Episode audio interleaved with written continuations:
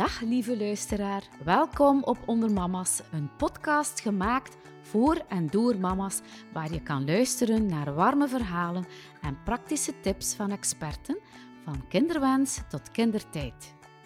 Ik ben Sonja Pijpaard, mama, auteur en jouw host in deze aflevering.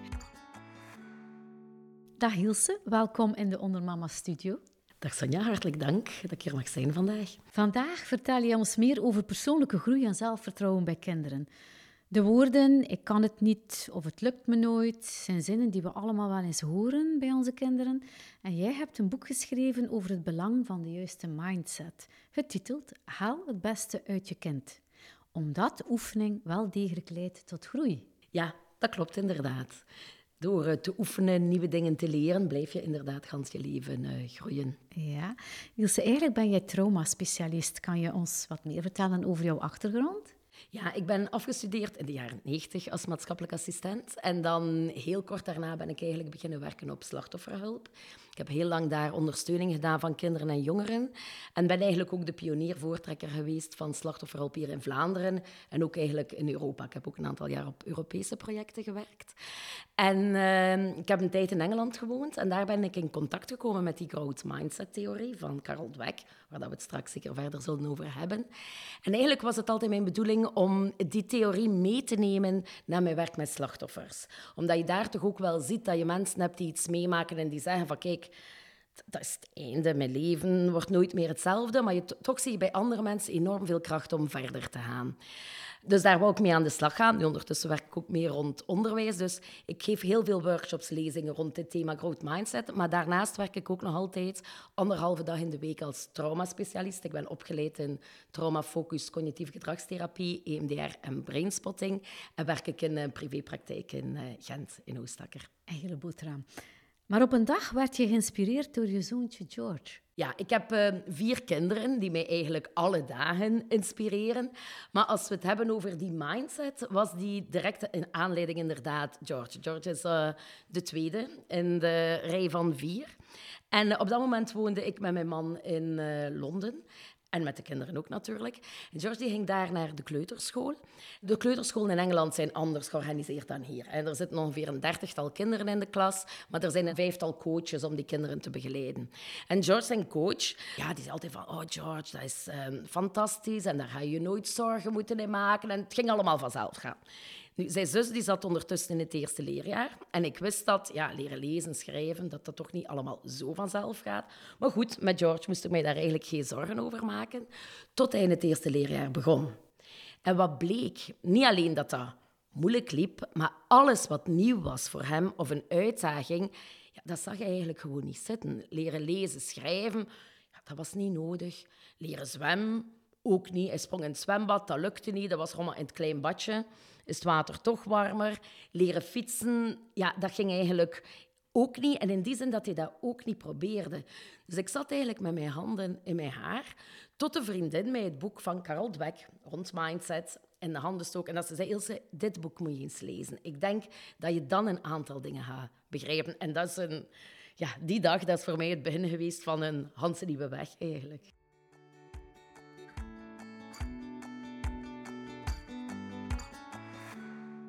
Laten we het hebben over wat een growth mindset eigenlijk is. Hoe kinderen opgroeien wordt dus beïnvloed door wat ze meemaken en hoe ze in het leven staan.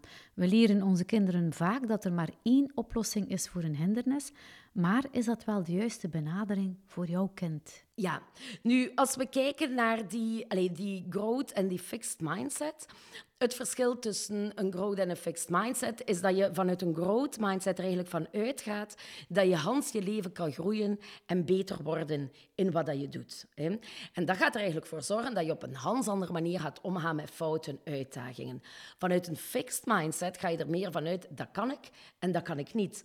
Dus als je voor een bepaald probleem staat, ga je eigenlijk kijken naar de oplossing. Ja, lukt mij dat of lukt mij dat niet? Terwijl vanuit een growth mindset ga je veel makkelijker kijken naar ja, wat is er allemaal mogelijk? Je hebt veel meer controle over bepaalde dingen, bepaalde situaties. Ja, je schreef een boek en dat is ook waar jouw boek over gaat. Een verhaal van veerkracht, vaardigheden aanleren en hindernissen nemen. Dat klopt. Dus vanuit een growth mindset ga je er eigenlijk vanuit dat je hetgeen waar dat je mee geboren bent, dat dat een startpunt is, maar dat je altijd kan beter worden in wat dat je doet. Dat je heel je hele leven nieuwe dingen kan aanleren, vaardigheden kan aanleren. Als je bepaalde hindernissen op je weg tegenkomt die je misschien voordien nog niet bent tegengekomen, dat je toch weet, ja, ik kan op zoek gaan naar mogelijkheden. En vanuit een fixed mindset heb je dat eigenlijk niet, of toch veel minder. Dus dat is dat, uh, de mindset-bril waar jij het over hebt. Hè? De manier waarop we kijken naar onszelf en de wereld om ons heen. Ja. En je kan dus op twee verschillende manieren naar de wereld gaan kijken en zoeken naar een uitleg. Ja, dus we gaan zien dat als je kijkt door een growth mindset bril of een fixed mindset bril, dat dat in bepaalde situaties, allee, we vertrekken altijd vanuit een bepaalde situatie, dat dat gewoon echt wel een enorm verschil is. Vanuit die growth mindset bril zie je de mogelijkheden en ga je een probleem eerder als een uitdaging zien, waar dat je op zoek kan gaan naar mogelijkheden. Vanuit een fixed mindset zal je bepaalde problemen of uitdagingen eigenlijk eerder als een limiet of een eindpunt zien. Dat je zegt van oké, dit is niets voor mij, ik kan dat niet, ik ga mij daar dan ook niet voor inspannen, ik ga ook niet op zoek gaan naar hoe kan ik dit beter doen, omdat je er eigenlijk vanuit gaat, ik, ik kan het toch niet. Geeft dat te maken of is er een link met intrinsieke en extrinsieke motivatie? Absoluut. Vanuit een fixed mindset heb je eigenlijk een extrinsieke motivatie. Ga je jezelf gaan vergelijken met anderen. Dus je gaat eigenlijk kijken van, uh, als je iemand anders ziet, van hoe kan ik daarin ja, hoe kan ik tegemoetkomen aan die andere persoon? Is wat hij doet of zij doet beter dan mij? Dus je gaat je altijd vergelijken met iemand anders. Vanuit een growth mindset heb je meer die intrinsieke, of heb je niet meer, maar een intrinsieke motivatie. En ga je eigenlijk gaan vergelijken met jezelf. Ga je kijken van, waar sta ik? Hoe ga ik vooruit? Hoe doe ik beter? En ik had eigenlijk nog een voorbeeld van uh, mijn zoontje deze week op het oudercontact. De juf zei van ja, je had voor een bepaald vak eigenlijk altijd 7 op 10. En hij zei tegen haar, ja, eigenlijk groei ik dan niet. En zij zei, jawel, want we leren altijd dingen bij en dezelfde punten hebben is ook groeien. Ah ja, zei hij, dat is waar. en worden kinderen standaard geboren met een growth mindset? Eigenlijk worden kinderen geboren met een growth mindset. Als je even nadenkt over een kindje dat leert lopen. Hè, lopen is ja, niet gemakkelijk, gaan met vallen en opstaan. Maar toch gaat elk kind doorzetten. En doen ze dat eigenlijk wel met de lach op hun gezicht. Hè. Gaan ze, ze vallen eens, ze vallen nog eens. Toch gaan ze weer recht krabbelen en vooruit gaan. Kinderen die leren lopen, stel je kind is, is 13 of 14 maand en leert lopen, zo'n kindje gaat niet denken, oh nee, mijn buurjongen hè, die is nog maar 11 maand en die kan al lopen en ik nog niet. Dat gaan die niet doen. Die gaan eigenlijk echt focussen op hun eigen vooruitgang. Ja. Op welke leeftijd begint dit dan te evolueren? Dat heeft met een aantal dingen te maken. Hè. Als we kijken naar die mindset, dan weten we dat de mindset een stuk bepaald wordt door de opvoeding.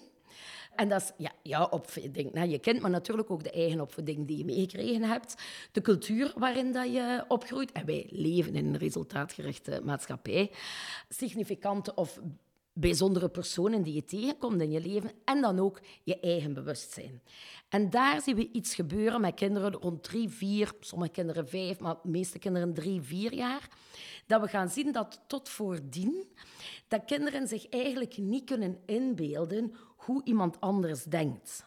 Een voorbeeld daarvan is bijvoorbeeld, je ziet dat in grapjes. Hè? Dat kinderen op een bepaald moment grapjes beginnen te begrijpen. En ik ga even teruggaan naar een van onze eigen kinderen. Wij hadden op moment kippen gekocht. Ja, en ik dacht persoonlijk ook, als je kippen hebt, dan heb je eieren. Hè. Ik vond dat nu niet zo ingewikkeld, maar dat blijkt wel niet zo te zijn. Dat duurde toch wel een aantal weken en uh, die, die kippen die legden maar geen eieren. Nu, op een dag komt onze jongste zoon thuis met een doosje met eitjes van de kippen van mijn ouders. En die zei, oh, ik ga een grapje uithalen. Dus hij had die eitjes bij onze kippen gelegd. Nu, de andere kinderen die kwamen thuis en die hadden oh, kijk, de kippen hebben eieren gelegd. En direct drie eieren, geen twee. Nu, wat zag je? Op dat moment wist jij van, kijk, hè, die eitjes zijn niet van onze kippen. Ik weet dat, maar de anderen weten dat niet. Dus hij kan zich inbeelden wat de anderen ook een stuk gaat denken. En zo zitten grapjes ook in elkaar.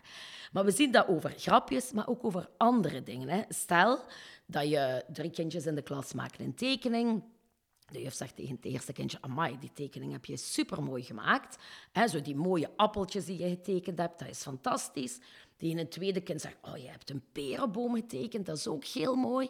En tegen het derde kind zegt ze, amai, die perenboom met die bloemetjes, dat vind ik heel mooi. En ze hangt die tekening aan de muur.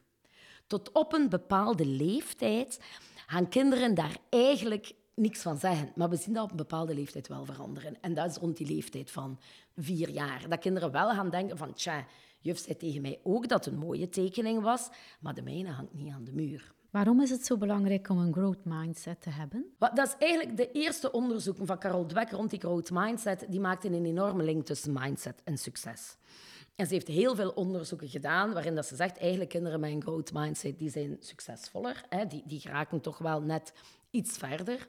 Nu, recentere onderzoeken, en die vind ik persoonlijk nog belangrijker, die maken enorm de link tussen die growth mindset en mentale weerbaarheid. En we weten, als we kijken naar jongeren, dat... Um, Jongeren met een growth mindset, of ik ga het anders zeggen, jongeren met een fixed mindset, die hebben eigenlijk 57% meer kans op angststoornissen of depressie dan jongeren met een growth mindset. Dus we weten dat kinderen, en ook jongeren en ook volwassenen, met een growth mindset echt wel enorm veerkrachtig zijn. Meer bestand tegen stress dan, uh, of tegen angsten dan, dan mensen met een uh, kinderen, jongeren, volwassenen met een fixed mindset. En dat vind ik zelf toch wel echt heel belangrijk. Ja. Nu, een woord dat jij niet graag zo hoort is talent. Het wordt nogal snel geassocieerd met iets waar je als kind heel goed in bent, maar jij ziet het anders. Ja, en dat is eigenlijk een beetje gegroeid door... Ik geef ook opleidingen in scholen. Um, zowel in lagere scholen als in secundaire en hogescholen. En als ik daar, zeker aan jongeren, jongvolwassenen, vraag van wat is jullie talent of wie heeft een talent, dan zie je heel weinig vingers naar omhoog gaan. Hè? Maar als je dan vraagt waar ben je goed in, dan twijfelen ze nog. Maar als je dan vraagt wat doe je graag, dan zie je wel de vingers naar omhoog gaan. Dus talent in onze maatschappij is een woord dat heel vaak geassocieerd wordt aan een vaststaand feit. Hè? En dan nog dikwijls iets creatiefs of te maken met sport. En heel dikwijls wordt ervan uitgegaan van je hebt het of je hebt het niet. En eigenlijk kan je er niet zoveel aan veranderen. Terwijl dat je ziet, met talent op zich, ja, ben je wel iets, maar wat veel belangrijker is dan talent, is natuurlijk de inspanning die je ervoor doet. Je kan bijvoorbeeld alles in jou hebben om viool te spelen, maar als je een viool hebt en je oefent niet, ja, dan mag je nog dat talent hebben, maar eigenlijk gaat er weinig mee gebeuren. Hè. Je gaat plots niet op je 25ste beter spelen dan op je zes jaar als je nooit geoefend hebt. Dus dat is zo'n beetje waarom dat ik het soms wat moeilijk heb met de invulling van het woord talent, omdat het als heel vaststaand en soms ook als excuus. Als mensen of kinderen iets niet kunnen, dan is ja, maar ik heb daar geen talent voor. Terwijl dat je zeker als je een passie hebt, iets graag wil doen en je oefent daarop, dat je daar echt heel goed kan in worden. Ja, onlangs ook uh, heb ik het gehoord tijdens een radioprogramma, dat je echt kunt focussen op iets wat je nog niet hebt gedaan en het wel succesvol doen. Ja, ook al wordt dat als niet als jouw talent gezien of niet echt erkend, maar als je zegt ik wil dat echt, en we weten dat ook van bijvoorbeeld Pollock, schilders, die nooit gezien werden als grote schilders, maar die blijven oefenen zijn tot ze er toch goed in waren. Ja. Ja. Kan je jouw mindset veranderen als je dus een fixed mindset hebt en je wil graag naar een growth mindset? Ja, hoe doe je dat? Of andersom, je ziet het misschien bij je kind dat het een uh, fixed mindset heeft. En als ouder wil je daar misschien je kind uithalen. Ja. En ook ervoor zorgen dat hij overstapt of kan een proces doormaken naar een growth mindset. Hoe pak je dat dan aan? Dat kan absoluut. En dat is eigenlijk natuurlijk ook een stuk waar het boek over gaat. Dus we weten dat kinderen van een growth naar een fixed mindset kunnen gaan, maar gelukkig is ook het omgekeerde mogelijk. En eigenlijk de basis daarvan die ligt in ons brein. Als we kijken nu naar onderzoeken over de hersenen, dan weten we dat ons brein gans ons leven kan groeien en dat we gans ons leven nieuwe verbindingen kunnen leggen. Ja.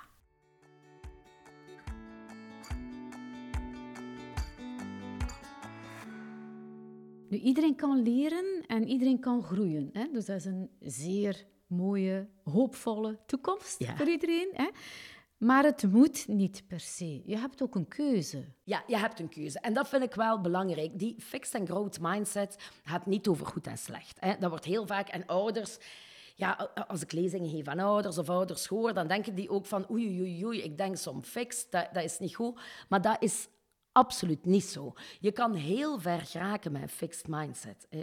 Zolang dat je weg heel vlot is, je komt geen enkel steentje tegen, geen enkel hobbeltje, ga je van, met de fixed mindset echt wel ver geraken. En ik zie ook mensen die daar heel ver mee geraakt zijn. Maar van als dat er een hobbel op je weg komt, dan wordt die growth mindset natuurlijk heel belangrijk. Zijn er uh, triggers die eigenlijk ervoor zorgen dat we in een bepaalde mindset terechtkomen? Situaties. Zeker, er zijn absoluut situaties. Nu, ja, daarvoor ging het over de keuze. Nu, wat dan natuurlijk is, Mindset moet je echt bekijken van hoe denk jij in een bepaalde situatie. Hè? Denk je vanuit een bepaalde situatie, ik kan dit niet, ik ga dit nooit kunnen? Of denk je, ik kan dat nog niet? En door mij in te zetten, mij in te spannen, er hard voor te werken, gaat het wel lukken. Nu, je gaat dingen in je leven tegenkomen dat je zegt van ja, hier wil ik de inspanning voor doen, maar hier wil ik de inspanning niet voor doen. Like, als ik dat boek las van Karel Dweck, dacht ik, moest ik dat echt wel willen, zou ik misschien wel een marathon kunnen lopen. Maar dat is iets dat ik op dit moment denk, nee, dat ga ik niet doen. Hier ga ik geen inspanning in steken, dat is eigenlijk niet mijn ding. Ik heb thuis vier kinderen. Ja. Uh, terwijl de andere mensen dat wel doen. Maar bijvoorbeeld de opleiding die ik in Engeland gedaan heb rond cognitieve gedragstherapie. Ik ben van basisopleiding maatschappelijk assistent, geen psycholoog. Dus op zich was die opleiding voor psychologen. Maar toen heb ik wel een aanvraag gedaan, mijn cv ingestuurd. En op basis van mijn ervaring ben ik toch mogen beginnen. Dus dat is iets dat ik zeg van, daar kan je wel eigenlijk energie insteken dat bepaalde dingen toch lukken.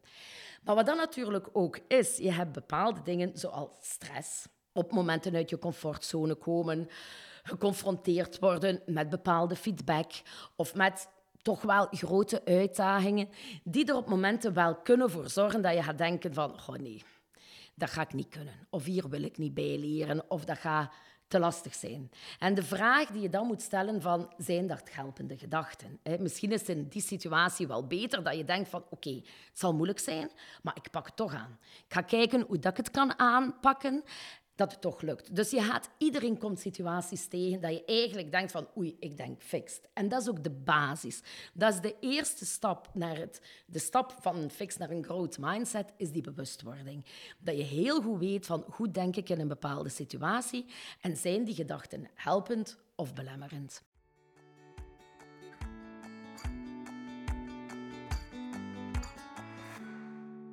Een kinderbrein is eh, in volle ontwikkeling. Ja. Hè? Gedurende zeker de eerste jaren, uh, maar ook daarna. Je kind leert gigantisch veel de eerste levensjaren. Kruipen, stappen, praten. En een brein is zoals een spons. Alles wat je kind doet, elke interactie die het geeft en elke ervaring die het meemaakt, legt een route aan in een brein. Maar zoals jij het zo mooi zegt, evolueren die ook in snelwegen. Als we kijken naar ons brein, ons brein bestaat uit heel veel neuronen. En eigenlijk in alles wat we denken, voelen, doen, gaan die neuronen in communicatie met elkaar. Dus we leggen eigenlijk constant nieuwe verbindingen aan. En het klopt wat je zegt, een kindje dat leert ja, dat pas geboren is. Als we zien het verschil tussen een kindje bij geboorte en één jaar, dat verschil is gigantisch. Het is enorm hoeveel verbinding dat er wordt gelegd. Sommige onderzoeken zeggen zelf dat baby's na de geboorte op bepaald moment tot 1 miljoen nieuwe verbindingen per seconde aanleggen. Dus dat is gigantisch. En die verbindingen die worden eigenlijk een stuk... Ja, onze genen spelen daar een rol wat we oppikken, maar absolute interactie van buitenaf. En wat gaan we zien? Telkens we iets nieuws leren, kan je dat vergelijken met een wandelpad. Een pad in het gras, doe je daar niks meer mee, dan groeit dat gras er terug over. Wanneer je dingen meer oefent, meer dingen rond doen, dan zal die weg beter behaanbaar worden. Gebruiken we die nog, zal ons brein denken, ah, die weg gaan we asfalteren, zodat informatie er snel over kan. En op een moment kan het zijn dat bepaalde verbindingen eigenlijk snelwegen in ons hoofd worden. Dat zijn eigenlijk verbindingen in onze hersenen, die onze hersenen gaan versterken, zodat we niet meer over dingen moeten nadenken, dat we ze gewoon geautomatiseerd krijgen. Dat is iets anders dan intuïtie? Dat is iets anders dan intuïtie, ja. Dus geautomatiseerde snelwegen, dat is eigenlijk dingen waar we niet moeten over nadenken. Dat is uh, schrijven, lezen, zwemmen, maar ook eigenlijk onze mindset. Hoe je denkt over bepaalde situaties, hoe je omgaat met stress. Dat zijn eigenlijk allemaal snelwegen in ons hoofd. Dus ja, het kan even goed zijn dat we die snelwegen eigenlijk willen of moeten afbreken. En dat gaat niet zo makkelijk. Dat gaat helemaal niet makkelijk. Want een snelweg afbreken, dat kunnen we eigenlijk niet. Wat we wel kunnen, is een nieuwe snelweg aanleggen. En dat kan je alleen maar doen door eigenlijk terug te beginnen met je pad in het gras. En dat gaat ook over die mindset. Dat je denkt van, hoe denk ik in een bepaalde situatie? Misschien ben je, is het een automatisme om te denken, ik kan het niet. Dan ga je heel bewust moeten nadenken van, goh, ja, ik kan het wel of ik ga het proberen. Dus we gaan altijd moeten beginnen met een nieuwe weg. En dat is wel belangrijk, want als kinderen, als je zelf aan jezelf iets wil veranderen, of je wil dat je kinderen iets veranderen, dan gaan we er heel snel vanuit van, weet je, we gaan dat niet meer doen. We gaan een nieuwe gewoonte afleren. Maar eigenlijk kunnen wij niet goed afleren. Wat dat veel belangrijker is, is dat we een nieuwe gewoonte aanleren. Professor Dan Siegel die vergelijkt ons brein graag met een huis. Hoe ziet hij dit dan? Dus dat is eigenlijk iets waar ik zelf ook heel graag mee werk. Dat is eigenlijk het huis in ons hoofd. En ik gebruik dat heel veel als ik rond stress ook werk met kinderen. En uh, hij gaat ervan uit van wat dat belangrijk is in het huis, is dat we eerst ons fundament hebben. Dan werken we eigenlijk aan het benedenbrein. Dat is alles wat te maken heeft met onze gevoelens, onze instincten, hoe dat we ons voelen.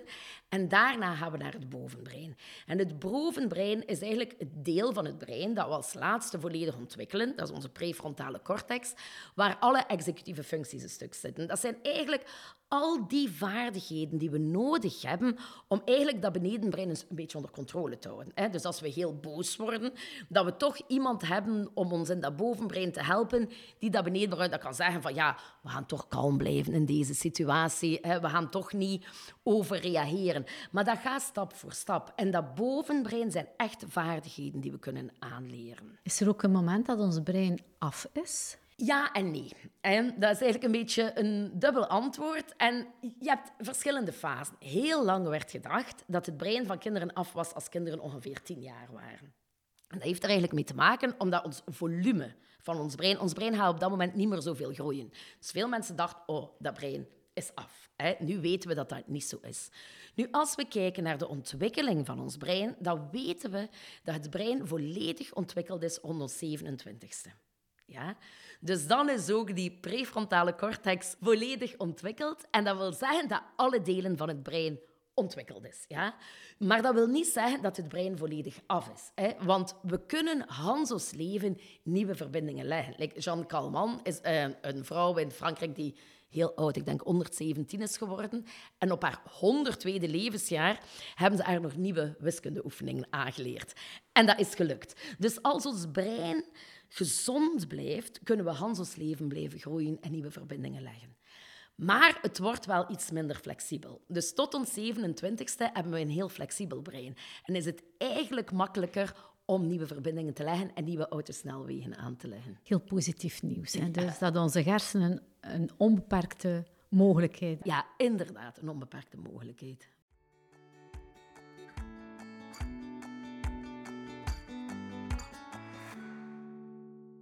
Zoals je al eerder uh, vermeldde, kunnen we op elke leeftijd dus bepaalde vaardigheden aanleren en verbeteren. Dat, geldt dus ook voor je mindset en de bril waarmee dat je naar de wereld kijkt. Maar uh, laten we het even hebben over het belang om onze kinderen van jongs af aan aan te leren dat ze kunnen leren van fouten maken. Als je als ouder zegt, ik wil met mijn kind rond die mindset werken, dat is kinderen leren omgaan met fouten heel belangrijk. Hè. Dat je fouten ziet als de basis om van te leren. Nu, de eerste stap is natuurlijk dat je een fout ziet. Dat je weet van wat is er fout gegaan, hoe komt er dat er iets fout gegaan is en dat je er dan eigenlijk een stuk kan uit leren. Nu, heel vaak zien we dat dat niet altijd zo is. Dat kinderen, en daarin zie je ook, dat is een onderzoek die Carol Dweck heeft gedaan, het verschil tussen kinderen met een fixed en een growth mindset. En dat is een onderzoek die ze gedaan heeft met kinderen van het zesde leerjaar. Die, uh, ze kregen een vragenlijst waaruit dat ze kon afleiden, fixed of growth. En die werden eigenlijk ingedeeld om een quiz te doen. Ze kregen ze allemaal nopjes op hun hoofd voor de hersenactiviteit te meten. En uh, als de kinderen de quizvraag kregen, hè, dan gaf elk kind, zag je hersenactiviteit. De kinderen gaven het antwoord op de vraag, beide groepen hersenactiviteit. Daarna kregen de kinderen te horen of het antwoord juist of fout was. Beide groepen hersenactiviteit. Daarna kwam het juiste antwoord. En wat zag je? Dat alleen de kinderen met een growth mindset dit oppikten. Dus kinderen met een fixed mindset waren eigenlijk gefocust op het resultaat. Van, oké, als Juist is, is juist, is niet juist, ja, dan is het niet juist. Maar niet op wat kan ik bijleren. Kinderen met een growth mindset, die waren ook gefocust op het juiste antwoord. Dat ze wisten van, oké, als ik het fout had, dan kan ik er toch iets uit bijleren. Dus als je kinderen leert omgaan met fouten, is dat een enorme deur naar een growth mindset. Kinderen, ja, die worden uiteraard vaak uh, geconfronteerd met een hobbel in de baan. Iets dat ze nog niet kunnen. Een puzzel die moeilijk uh, is, hè, moeilijk te vervolledigen. Een sticker kleven bij de kleintjes, een speelgoed opruimen, schoenen zelf aandoen. Dat zijn zo van die eerste dingen bij kleine kindjes. Maar dan hebben we soms de neiging, of kunnen we de neiging hebben om in te grijpen en snel, misschien te snel, te helpen en het zelf te doen. Maar is dat eigenlijk wel helpen? Maar het is belangrijk dat kinderen zelf dingen proberen. Hè. En het gaat ook over lange termijn. Ik, heb zelf vier kinderen en uh, de schoenen leren dicht doen, dat vraagt tijd. Op een bepaald moment vraagt dat tijd. Maar eens ze dat kunnen, ben je natuurlijk opgelucht. Hè. Dat ze dat kunnen en merk je van, oké, achteraf, op het moment dat je het aan het doen bent, denk je dat vraagt zoveel tijd. Maar achteraf denk je dat was eigenlijk maar een korte periode dat ik dat moest doen. Dus het is inderdaad heel belangrijk om kinderen ook dingen te laten proberen. Ze laten, als ze hulp vragen, kan je ze natuurlijk helpen, maar dat je ze zeker ja, vaardigheden aanleert. En op die manier leer je ze niet alleen bijvoorbeeld om hun schoenen te strikken, maar leer je ze ook dat nieuwe dingen niet altijd makkelijk zijn. Maar als je blijft oefenen en blijft proberen en misschien soms keer hulp vraagt van hoe moet ik het juist doen, leer je kinderen ook van, ah ja, misschien ook op andere momenten in hun leven van, als ik doorzet, dan zal het wel lukken. Eigenlijk kan je een vijftal fasen onderscheiden rond fouten of iets minder goed kunnen, waardoor dat we er kunnen voor zorgen dat onze kinderen leren om te leren uit hun fouten. Ja, nu wat dat het belangrijkste is, is eigenlijk dat je een fout ziet als een hindernis op je weg. Hè? Het is eigenlijk een hindernis naar het doel dat je wil bereiken. Dan is het belangrijk dat je de fout ziet. In die zin dat je die gaat identificeren. En dat vind ik wel belangrijk, want ik zie dat ook met kinderen uit het secundair. Ik heb er ondertussen drie in het secundair zitten. Als ik soms vraag aan hen of aan vriendjes van, oh ja, een examen was niet goed of een proef en wat was er mis, wat waren de fouten, dan merk je dat kinderen daar heel vaak geen antwoord kunnen op geven. Dat ze niet weten van, wat is er fout gegaan? Hè? Dus dat is belangrijk, dat je eerst gaat kijken, wat is er fout gegaan? Wat zijn mijn fouten? Dat je daarop gaat reflecteren evalueren en dan heb je natuurlijk de actie. Dat je gaat kijken van wat kan ik met die fout doen. Dus op zich is niet alleen de fout die ja, gaat zorgen dat je naar een growth mindset gaat, maar wel wat dat je met die fout doet. Die actie dat je weet, ik kan leren van fouten. Je kinderen eigenlijk ook aanleren om zelf actief daarin een, een rol te spelen in een leerproces, ja. kan hen enorm helpen, denk ik. Ja, en ook dat fouten, dat dat niet erg is. Want we leven nog altijd een stuk in de maatschappij. We moeten naar die tien op tien. Ja. Ik heb dat tegen mijn kinderen ook al gezegd. Stel nu dat je naar school gaat en dat je altijd tien op tien hebt. Ja, dat is ook wel jammer. Hè? Ja, Dan kan je eigenlijk niet meer bijleren. Terwijl het belangrijk is om eigenlijk echt wel te kijken van... Ja, waar zitten mijn leerprocessen? Wat kan ik doen? Ja, inderdaad. Dus uh, fouten maken mag. Hè? Uh, maar het is vooral, wat doe ik ermee? Wat, wat leer ik eruit? Ja. En hoe ik er, ga ik ermee verder? Ja, hè? dat is eigenlijk het belangrijkste. Ja, inderdaad. Dus de rol van een ouder is toch wel heel belangrijk. Hè?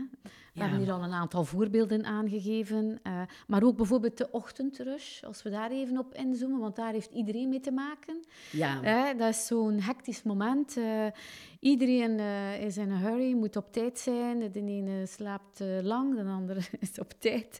Dus ja, er is toch wel een stuk, zeker een gezin met vier kinderen, time management, planning, flexibiliteit en organisatie kunnen we eigenlijk al in de ochtend aanleren. Ja, en je doet veel meer als ouder dan dat je denkt eigenlijk. Want dan hebben we het, als we het hebben over time management, planning, hebben we het over die executieve functie, die prefrontale cortex, waar dan nu ook heel veel in scholen rond wordt gedaan. Maar eigenlijk doen we dat automatisch. Hè? Misschien denk je als ouder van, oh, deze morgen, het was allemaal zo gestresseerd en uh, ik was wat gestresseerd, maar ook daar leren kinderen van. Hè? Dat je zegt van, kijk, ja, ik wil op tijd komen op mijn werk. Dat houdt een aantal dingen in. Dat jullie ook een stuk op tijd zijn. Daar leer je ze wel. Ja. Daar leren ze ook heel veel van. En het feit dat je inderdaad zegt in die ochtendrust, jullie moeten nu opstaan, binnen een kwartiertje moeten we vertrekken, eet snel je boterham op, is de boekentas gemaakt, uh, ik steek er nog de boterhammen in, kijk of dat de schoenen klaar staat. Op al die momenten leer je je kind heel veel ja. aan. Maar het is toch ook wel belangrijk van het te benoemen en uh, goed te communiceren, hè? van het ook te zeggen. Ja, het is heel belangrijk van goed te communiceren. Ook als je zelf gestresseerd bent, zeg het dan ook. Zeg van, kijk, ja, ik ben een beetje meer gestresseerd of het is misschien wat drukker, want mama heeft straks een belangrijke vergadering op het werk. Ik zeg het maar. Dat kinderen ook begrijpen van waaruit dat iets komt. Ja, inderdaad. Nu, uh, heeft men nieuwe inzichten, waardoor dat men bijvoorbeeld al weet dat vanaf de kleuterklas al andere dingen kunnen aangeleerd worden, eventueel met de visuele hulpmiddelen? Wat dat we natuurlijk weten, als we bijvoorbeeld kijken naar die executieve functies, dus dat is die prefrontale cortex van ons hersenen, die eigenlijk ontwikkelt tot als we 27 zijn. Nu, maar, en ik gaf dan ooit op een lezing in zijn voorbeeld, like we weten bijvoorbeeld dat een kamer opruimen voor, eigenlijk voor kinderen heel moeilijk is. En er is dan achteraf een vader die bij mij kwam, zijn dochter was 14 en die zei, ja, ik ben er toch niet goed van. Moet ik dan wachten tot haar 27ste, tot als ze dat kan? Ik zei, nee, absoluut niet. We kunnen daar al heel vroeg mee beginnen. Maar wat dat wel is, als je bijvoorbeeld een jong kind, en dan spreken we eigenlijk toch tot kinderen, ja, bijna tot tieners. Hè. Als je zegt van, eh, ja, ruim je kamer op, een kamer die ongelooflijk overhoop ligt, dat is heel moeilijk voor kinderen. Maar wat dat je wel kan zeggen is, van ruim bijvoorbeeld eerst je Lego op. Of leg de blokken in de doos. Of zoek op je kamer, als het echt overhoop ligt, alle broeken en vouw die mooi op. En dat kan je bij jonge kinderen ook visualiseren. Dat je gaat zeggen, we ruimen op het kaartje van de tafel afruimen. Dat, dat kinderen ook naar planning hoe weten, s'morgens eerst de tandjes poetsen, eh, dan, doen we, ja, dan doen we ons kleren aan, het ontbijt. Dat je dat eigenlijk kan zien. En dan ga je zien dat je dat eigenlijk niet zo lang moet doen. Dat kinderen dat heel snel oppikken. En aan tijd weten ze dat gewoon van buiten. Maar we kunnen al heel snel eigenlijk beginnen met te werken aan die executieve functies. Ja, en dit kan dan uh, inderdaad ook doorstromen naar de kleuterklas en, en, ja, en ja, verder. Hè? Ja, ja, absoluut. ja.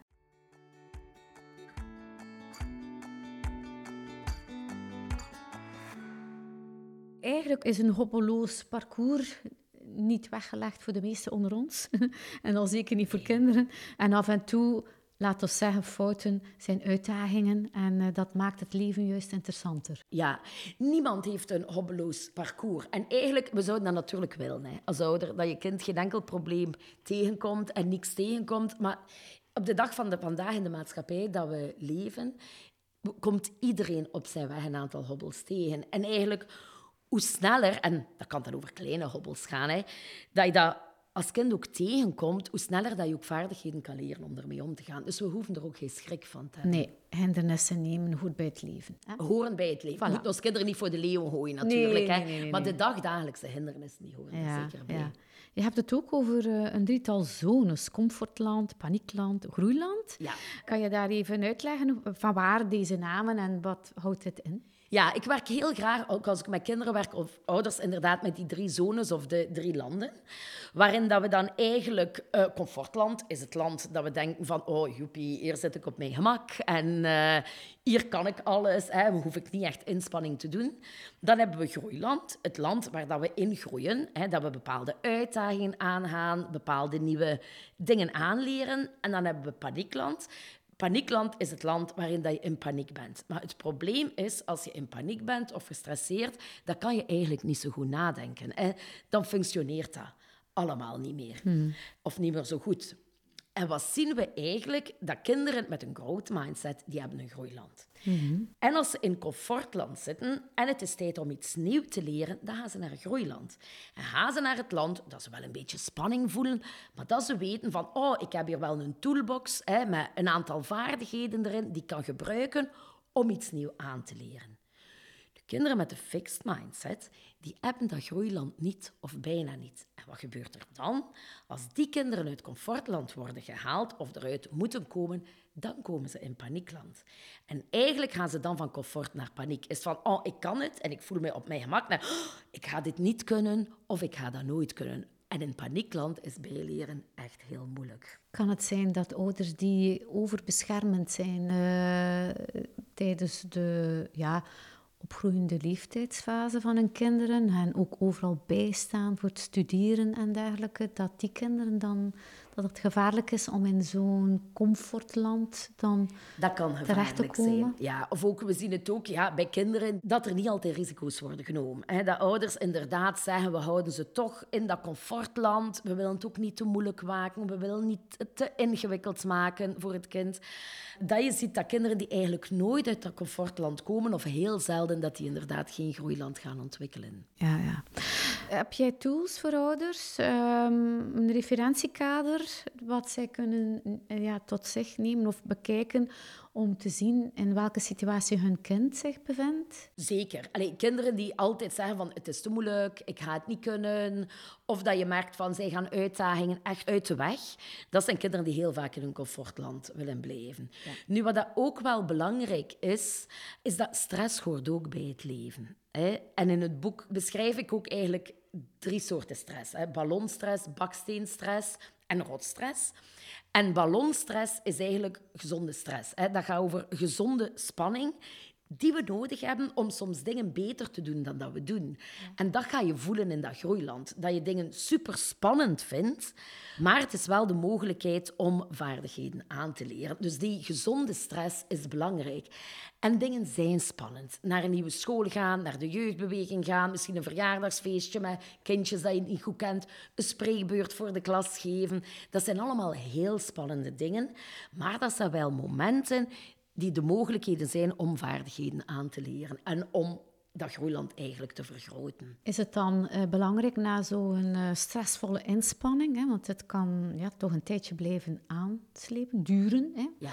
om dan te ontstressen? Ja, wat dat belangrijk is, is dat je ook kijkt bij kinderen want het ene kind is het andere niet. Hè. Wat voor het ene kind ballonstress is, en neem nu een spreekbeurt op school, hè. ballonstress voor een kind, uh, die vindt het heel spannend, maar dat gaat wel lukken. Is voor een ander kind baksteenstress. Hè. Dat die echt zeggen van, gewoon eigenlijk kinderen dat niet meer functioneren. Dat het echt niet meer lukt om op dat moment de spreekbeurt te brengen. Maar dan is het belangrijk om te kijken met kinderen, wat bezorgt er u stress? Hè? Misschien zegt een kind, ja, ze spreken voor de groep, ik kan dat niet, dat lukt niet, van misschien gaan ze beginnen lachen met mij. Nu, dan kan je ook als leerkracht kijken, wat kan je doen? Misschien kan je kinderen in groepjes verdelen. En kan je zeggen, ja, hè, elk kind moet minstens bij twee slides van een PowerPoint iets zeggen. Ik zeg maar iets. Hè. Ja. En dat kind die zegt, oké, voor mij is dat geen probleem, maar dat je toch ook met kleine stapjes daar een stuk kan uitraken. Dus dat is eigenlijk belangrijk om te kijken van, wat gebeurt er in zo'n stressmoment? Welke vaardigheden kan een kind aanleren om uit die stress te geraken? Ja, zijn er uh, vormen van, van stress waarbij dat kinderen helemaal niets kunnen, helemaal blokkeren? Ja, absoluut. Ja, ja, ja. En je ziet dat zelfs meer en meer. Zelfs, zeker in secundair kinderen die paniekaanvallen krijgen, die echt niet functioneren. Ja. Rust is een van de essentiële factoren om optimaal te kunnen functioneren, inderdaad. Je hebt ook in je boek verschillende activiteiten gedefinieerd die je met je kind kan doen om de gedachten af te leiden, rust te brengen. Ja. Heb je zo voorbeelden nog? Rust voor een ouder is soms anders dan rust voor een kind. Inderdaad. ja, inderdaad.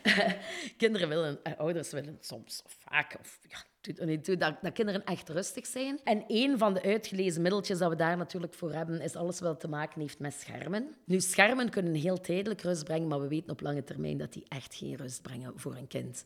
Dus het gaat belangrijk zijn dat je met je kind op zoek gaat, wat brengt eigenlijk die gedachten, die trein van gedachten kinderen, wat brengt dat tot rust?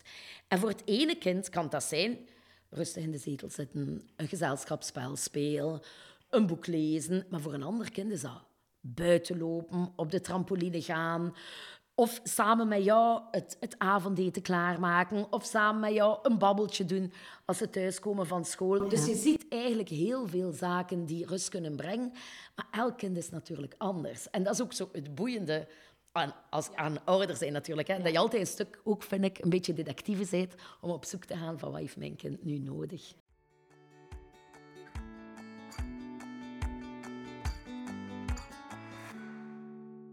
Wat is eh, uiteindelijk het, uh, het belang van een duidelijk doel en motivatie? Ja, als je een kind wil motiveren naar iets, moet je een doel hebben. Ja? En een doel voor kinderen is heel belangrijk.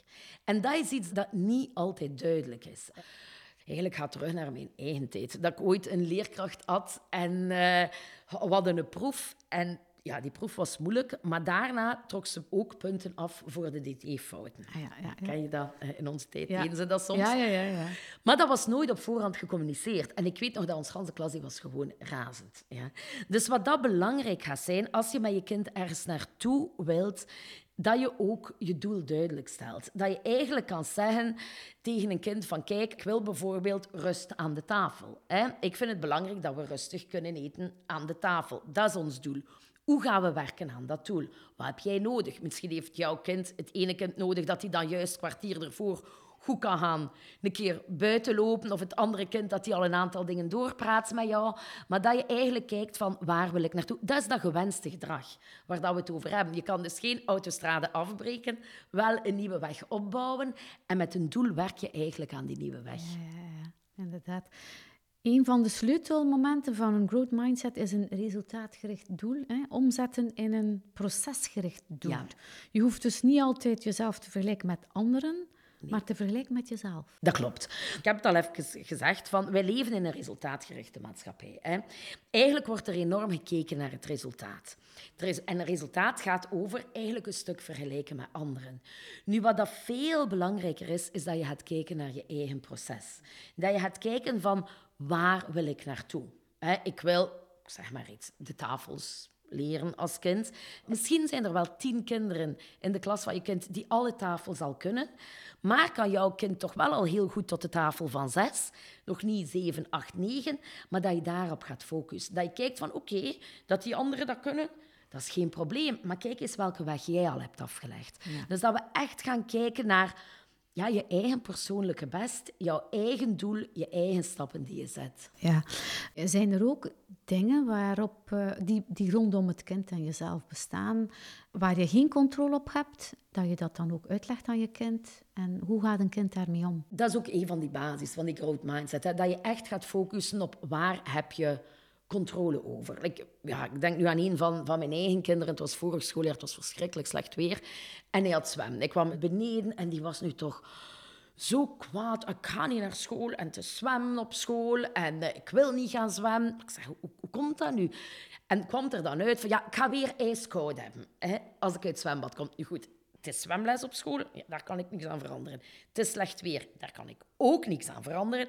Maar wat ik wel kan doen, is zorgen dat en een hele dikke jas aan heeft. Ik zeg, doe dan maar zeker uw sjaal aan en uw muts. Als je uitkomt, uh, buiten komt uit het zwembad, dat je kunt je muts aan doen, dat je warm hebt. Dus dat kan je een kind wel leren, van te zeggen van, oké, in een bepaalde situatie zijn er misschien zelf heel veel factoren waar dat ik niks kan aan doen, maar waar kan ik wel iets aan doen? Ja. Ik zie dat nu ook met mijn tieners hè, op school. De examens komen eraan, de proeven zijn er, en die leerkracht dit, en de leerkracht dat, en een moeilijk examen. Dan zeg ik, oké, dat kan allemaal wel zijn, maar wat kan jij doen? Niks. Ik zeg, ik denk wel dat je iets kunt. Door eigenlijk je goed voor te bereiden, te oefenen, misschien zelfs bij een bepaalde leerkracht een beetje extra te oefenen, kan je wel iets veranderen aan een bepaalde situatie. Ja, nu, ouders hebben het ook soms niet makkelijk. Hè? Uh, verschillende ballen in de lucht te houden. Nee. Moeten soms uh, toch ook wel eens inzoomen op de ouder zijn problematiek? Ja, en als ouder, ik ben zelf ook ouder, ben je eigenlijk ja, je eigen grootste criticus natuurlijk. Hè? Ouders zijn heel kritisch naar hunzelf ook. En ik merk dat ook bij mezelf. En dat was ook op een opleiding uh, dat ik deed, dat heeft voor mij wel iets veranderd. En dat is iemand die zei van, ja, we houden als ouder eigenlijk heel veel ballen in de lucht. Maar toch, we mogen nog 25 ballen in de lucht hebben. We gaan focussen op die twee dat we op de grond hebben laten vallen. En ik denk dat dat wel belangrijk is om als ouder je kan dat eigenlijk bijna elke dag doen. Zo. Of, allee, dat hoeft niet, maar ook een keer te kijken van wat is wel goed gelopen vandaag. Ja. Wat lukte wel? En eigenlijk door die focus, ook die bril te veranderen, ga je toch wel een stuk ook milder voor jezelf worden. Een keer de balans opmaken, dat is iets dat we eigenlijk elke dag moeten doen. Hè? Ja, dat is inderdaad waar. En als ouder... Ook al loopt niet alles, en dat is dikwijls zoals je het misschien zelf wilt, of komt je kind verdrietig thuis naar school, of denk je van s morgens van, oh, dat wordt hier een hele rustige dag. Maar verandert dat dan uh, toch wel terug? En dan mag je ook niet vergeten van, je doet altijd veel meer dan dat je denkt. Ja, ja. Je bent er echt voor je ja. kinderen.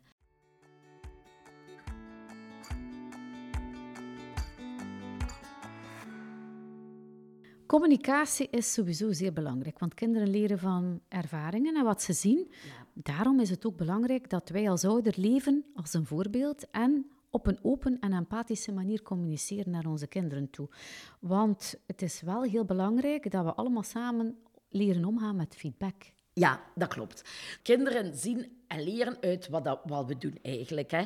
Die gaan voorbeelden van ons overnemen. Als wij gestresseerd zijn over bepaalde situaties, dan gaan kinderen dat ook opnemen. Maar je kan ook wel feedback geven, zowel aan jezelf als naar je kinderen. Dat je eigenlijk kan zeggen van, oh ja, ik was toch wel echt gestresseerd vanmorgen. En achteraf was dat eigenlijk absoluut niet nodig. En door daar heel open over te zijn, krijg je het ook terug van je kinderen. En twee, mijn twee oudste kinderen die waren aanwezig op, op de boekvoorstelling, waar dat ik het ook had over eigenlijk het belang van kleine successen en focus op het positieve. Het was onze zoon, die thuis kwam met toch een niet zo goed rapport. En uh, ik zei van, ik zeg, wat is er nu gebeurd? En hij zo, mama, focus op het positieve en kijk naar de kleine successen. ik dacht, oké. Okay. In feite, als we kinderen hebben, dan uh, moeten we ook toegeven dat we zelf heel vaak feedback van onze kinderen ja, krijgen. We krijgen heel vaak krijgen. feedback van onze kinderen, ja. Wat dat we goed doen en wat dat we niet goed doen. Wat dat we goed doen en wat dat we niet goed doen. Ook van de feedback van onze kinderen kunnen we leren. En kunnen groeien, heel en groeien we zelf ook, Groeien we zelf, ja. want dat is wel ja. belangrijk. Ook als je feedback krijgt van, van je kinderen... Hè, ja, onze hersenen groeien ook. Hè. Ons kinderen, de hersenen, onze kinderen zijn nog heel flexibel. Maar ook wij kunnen af van die autostrades die we hebben. En kinderen zijn echt wel ideaal om ons een spiegel voor te houden. Absoluut. Nu, de kracht van woorden, dat is ook zoiets van welke woorden we gebruiken. Uh, ik vind dat voor mijzelf ook nog altijd een goede oefening. Ja. Uh, hoe ouder we worden, hoe meer ervaring we krijgen, hoe meer we de nuance van woorden ook Ja. leren. Hey, want als ik iets, een woord uitspreek, gaat dat voor u een andere Ja. betekenis hebben en omgekeerd. Uh, dus de kracht van het woord nog niet, hè, of de combinatie Ja. nog niet. Het kan dit niet. Nee, je kan dit nog Ja. niet. Dat is eigenlijk een stuk de basis ook, of het basiszinnetje van growth mindset. Hè? Ja. Dat kinderen zeggen, ik kan het niet. Dat je gaat zeggen van, nee, je kan het nog niet. Ja. Ja? Dat je echt zegt van, je kan het ja, nog niet. Maar dan gaat het natuurlijk ook belangrijk zijn om te kijken van, wat kan je doen Voilà. om het wel te doen. Want ik kan het nog niet, mag niet de nieuwe niet worden natuurlijk. Hè? Als ze zeggen, ik kan het nog Ja. niet en morgen ik kan het nog niet. En Ja, ik- ja, ja. Maar Nee, als nee. je dat gebruikt, dan voel je dat ook wel bij kinderen. Ik heb lang een, een aantal jaar in Londen gewoond. We wonen nu eigenlijk op, op de buiten, in de Vlaamse Ardennen. En ik kan eigenlijk niet zo goed achteruit rijden met een auto. Nu, wij hebben nogal veel eh, kleine baantjes. Het was op een moment, drie van de kinderen zaten in de auto en een grote tractor. Ik dacht, oh nee. Dus ik moest achteruit rijden en ik zei tegen ja, ik was echt gestrest. Ik zei, ja, ik kan dat niet, ik kan dat gewoon niet. En alle drie, mama, je kan dat nog niet. Ik zei, dus achteruit. En dan zei hij, zie je wel, nu kan je het wel. Ja, kijk, voilà, zo zijn er eh, Ja. heel veel voorbeelden Ja. uit het dagelijkse leven. En ook, Ja. ze pikken het op. Like bijvoorbeeld, een van de dingen... Ja, ik kan het nog niet, gebruik ik heel vaak naar mijn kinderen. Maar ook de baantjes in je hersenen. Hè. Ik zeg van, ja, dat zal nog een dun baantje zijn. Of, eh, zie je, dat is nu wel al een dikker baantje. Dat je dan Ah, ook ziet dat dat dingen zijn dat ze echt wel eh, heel snel opnemen.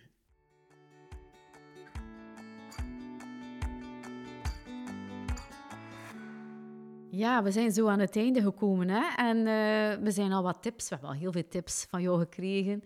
En in het gesprek al heel veel tips naar voren gekomen. Maar is er zo nog een laatste gouden raad of tip die je met eh, de luisterende ouders zou willen delen? Ik moet dan eigenlijk altijd denken aan... Het is een uitspraak van eh, de juf van mijn jongste zoon, maar de andere drie hebben er ook al bij gezeten. En het was eigenlijk de infoavond op school.